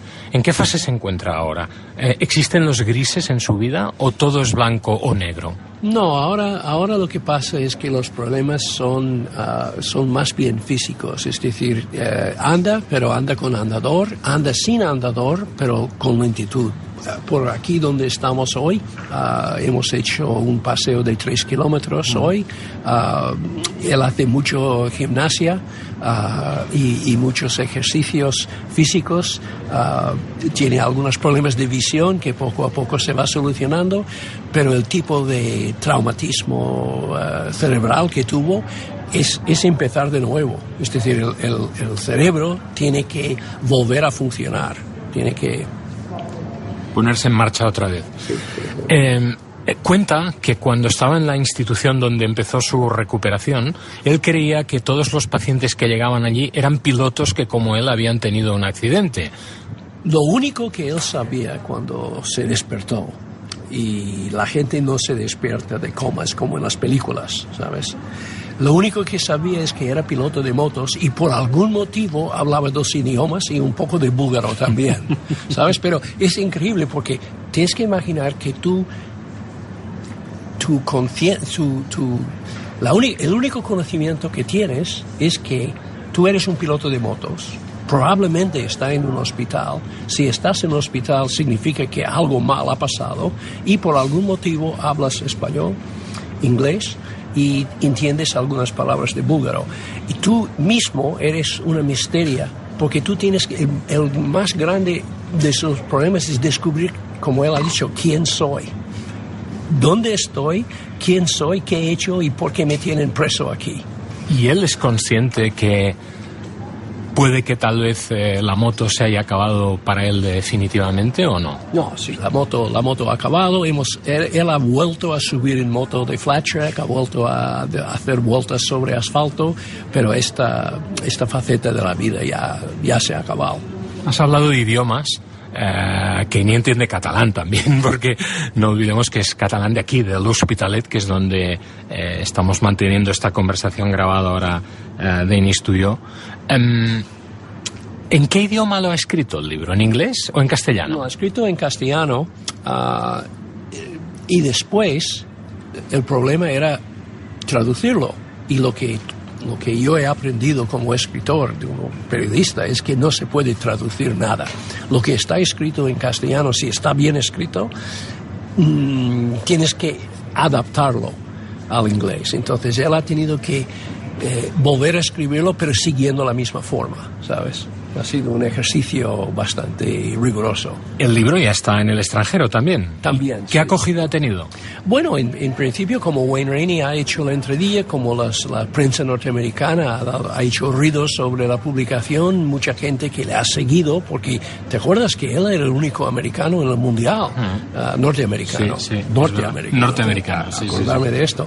Hablando de eso, también hemos vendido en Sudamérica, en Centroamérica. Y, ¿eh? Y aquí está disponible desde el día 16 de agosto. ¿Cómo y dónde podemos encontrar el libro, Denis? Bueno, en librerías y también simplemente en kennynoyes.com, ¿sabes? Desde ya. Desde ya, ya está. Doncs ja ho heu sentit, jo us recomano de totes totes aquest llibre Desafíos de Superbikes Moto 2 i Glasgow 3, tot una lliçó de vida, tot una lliçó de superació, tot una lliçó d'esperança. És la biografia de Kenny Noyes, o podríem dir la primera part d'aquesta autobiografia, perquè estic segur que ben aviat tindrem l'oportunitat de seguir aquesta història que promet tenir un desenllaç apassionant, gràcies a l'esforç del mateix Kenny, però sobretot de tota la gent que l'envolta i el continua envoltant, com la seva família, però sobretot Yana, la seva dona. No serà l'últim libro que llevará la firma de Kenny, ni la tuya. No, estamos trabajando ahora mismo, como lo dices, estamos trabajando en algo juntos uh, que no sabemos exactamente cómo se va a llamar, pero son todas las anécdotas y historias que los dos hemos vivido, él desde su punto de vista y yo uh, desde la mía, ¿sabes? Este verano hemos tenido la oportunidad de vernos después de un año y medio separados por el océano y por el coronavirus. Cuando vuelves, te vas mañana, pero ya te echamos de menos. Sí, me voy mañana y además eh, es, cada vez más complicado eh, los vuelos, ¿sabes? Aunque te digo que he venido de Los Ángeles en un avión casi vacío, pasando por aeropuertos vacíos. Me, hace, me hizo pensar en, en el vuelo que tuve de Barcelona a Estados Unidos el 15 de septiembre, después del 11 de septiembre, de la caída de los dos edificios, aeropuertos vacíos. Yo creo que estamos llegando ya, espero que al final, la tercera, ¿cómo se llama? La ola. La ola de esto, porque eso no puede. No, y veo a España mejor que Estados Unidos. ¿eh? Es uh -huh. decir, veo a la gente aquí llevando máscaras, siendo respetuosos uh, el uno del otro. no hay esta paranoia sobre las vacunas -huh. y, y, me preocupa mi país más que, más que mi otro país, que es España. Oye, ¿qué, ¿qué es más peligroso? ¿Un coyote del desierto de Borrego o un lobo del paddock? Yo creo un lobo del pado que sería más peligroso. ¿sabes? Los, los, coyotes no son para tanto, cantan de noche, uh, cantan de noche y les echo de menos. Bueno, pues no te voy a llevar la contraria porque ya sabes que a veces tener la razón no es para tanto. Eso es, eso es. un abrazo, Denis. Un abrazo, gracias.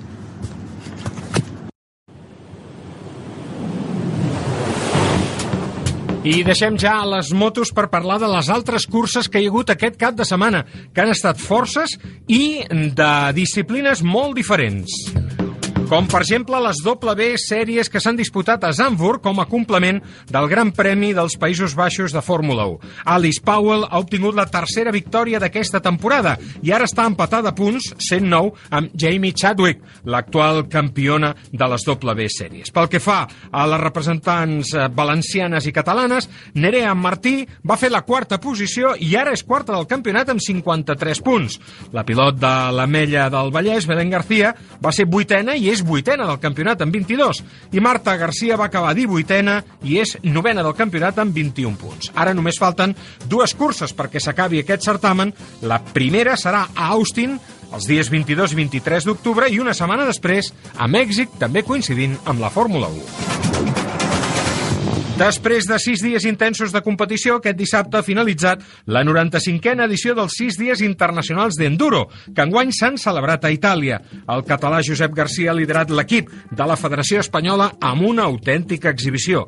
El de Súria ha estat el guanyador de la categoria absoluta de la classificació Scratch amb un marge, atenció, de dos minuts sobre el segon classificat, l'italià Andrea Verona. A més de la general, Garcia també s'ha endut el triomf de la categoria Enduro 2 a 5 minuts del segon classificat, el nord-americà Taylor Robert. Gran paper també del català Jaume Batriu, que ha pujat al podi de la categoria Enduro 3 amb una meritòria tercera posició. I aquestes bones actuacions, sumades al bon paper de Marc Sanz, han permès l'equip de la Federació Espanyola proclamar-se subcampió dels 6 dies d'enduro a la categoria màxima, el World Trophy, per darrere d'Itàlia, que s'ha endut la victòria, i per davant dels Estats Units, que han completat el podi. Pel que fa a l'equip femení, format per les catalanes Mireia Badia i Júlia Calvo, així com la madrilenya Sandra López, s'han penjat la medalla de bronze del Women's Trophy. Mundial de motocross a Turquia, amb victòria de Jeffrey Herlings per davant del gallec Jorge Prado, que va combinar una segona i una tercera posició. El líder del campionat, Tim Gassier, va fer la tercera posició en aquesta cursa a Turquia. Ara, Gaxier té 310 punts, mentre que Jorge Prado ha escalat fins la segona posició i en té 297. La tercera posició és per Roman Febre amb 293. La pròxima cursa es farà aquesta mateixa setmana una altra vegada a Turquia i concretament a la localitat d'Afion. Al circuit de Barcelona-Catalunya, victòria de l'equip Herbert Motorsport amb un doblet al GT i primera i segona posició de l'Autorama Motorsport by Wolf Power Racing als turismes. La 22a edició de les 24 hores de Barcelona d'automobilisme ha registrat a la vegada un nou rècord de voltes completades, 695. De les últimes edicions celebrades, Herbert Motorsport ha tingut un paper protagonista en pràcticament totes elles, perquè han guanyat les edicions del 2016, del 2018 i van fer el segon lloc a l'edició del 2019. I després de 24 hores rodant en el nou circuit de Camp Montcau de Lliçà d'Amunt, l'equip Powered by JG Motos Xesca d'Oriol Mena s'ha proclamat guanyador de la 41a edició de les 24 hores internacionals de resistència en ciclomotor de la Vall del Tenes. Del total de 36 equips que van prendre la sortida dissabte a la tarda, cal destacar que només hi va haver 3 abandonaments. I amb aquesta notícia ho deixem per aquesta setmana. Tornarem la setmana entrant, edició número 25 del Cafè del Paddock, per parlar-vos, evidentment, entre d'altres coses, del Gran Premi d'Itàlia de Fórmula 1 que s'ha de córrer a Monza i també del Gran Premi de l'Aragó que s'ha de disputar al Motorland, al Canyís. Fins aleshores, gràcies per acompanyar-nos. Adéu-siau! RAC més us ha ofert Cafè del Pàdoc. Tota l'actualitat del món del motor amb Josep Lluís Merlos.